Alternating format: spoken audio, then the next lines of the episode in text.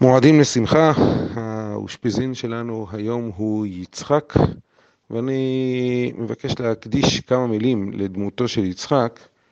אני אומר שבדרך כלל אה, יש איזושהי נטייה לתאר את אה, יצחק כמי שלא חידש יותר מדי, אלא שכל מה שהוא עשה הוא בעצם חזרה על מה שעשה אברהם. כך למשל מופיע במדרש הגדול, שכל שאירע לאברהם אירע ליצחק, אברהם גלה ויצחק גלה, אברהם נסתקפו על אשתו, יצחק נסתקפו על אשתו, אברהם כינו בו פלישתים, יצחק כך, אברהם הוליד לבסוף ויצחק כך, אברהם היה רע בימיו ויצחק כך, וכן הלאה.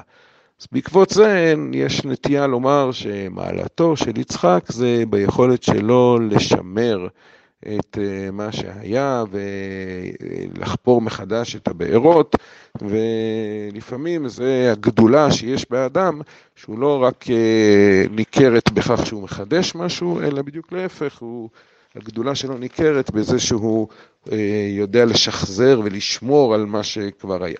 עכשיו, יש בדבר הזה נקודה נכונה מבחינה עקרונית, אבל ברמה המעשית, אני חושב שזה פשוט אה, הבנה לא מדויקת בדמותו של יצחק, ומה שמייחד את יצחק זה בהחלט לא רק היכולת לשחזר את מה שאברהם עשה, אלא דווקא לתקן את מה שאברהם עשה.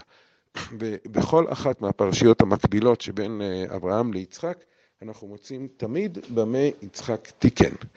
עכשיו, בזמן הקצר שעומד לרשותנו אנחנו לא יכולים לעבור על כל הפרשות, אבל אה, אני אזכיר רק כמה ואידך זיל גמור. נתחיל מהעובדה שגם אברהם וגם אה, יצחק עמדו מול עקרות ממושכת של אה, נשותיהם. אבל אברהם, לא מצאנו אף פעם שהתפלל לבן. המפרשים דנו בשאלה מדוע אברהם לא התפלל,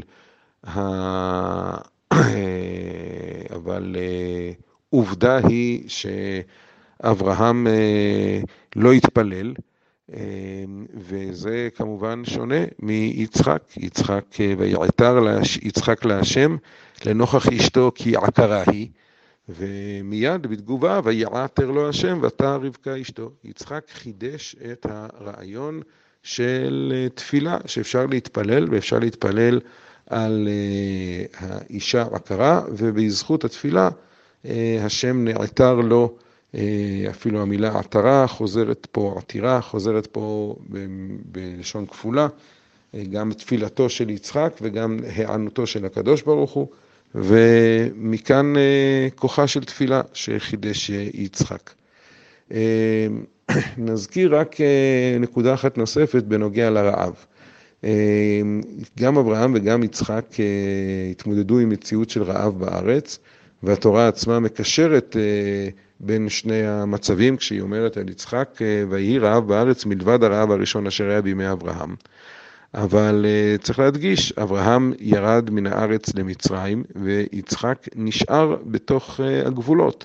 אני לא אכנס עכשיו למחלוקת הרמב"ן והרד"ק בנוגע לאברהם, האם זה היה בסדר שהוא ירד מן הארץ או לא היה בסדר, אבל דבר אחד אה, ברור, בין כך ובין כך, יצחק בכלל לא רצה לרדת מהארץ, אלא הוא הלך לארצו של אבימלך לגור אה, שם, ואז הקדוש, אה, הקדוש ברוך הוא אמר לו, אל תרד מצרימה, גור בארץ הזאת ואהיה עמך. הנקודה הזאת של ואהיה עמך, גם היא, יש בה חידוש שלא נאמר אף פעם לאברהם, הוא נאמר רק ליצחק.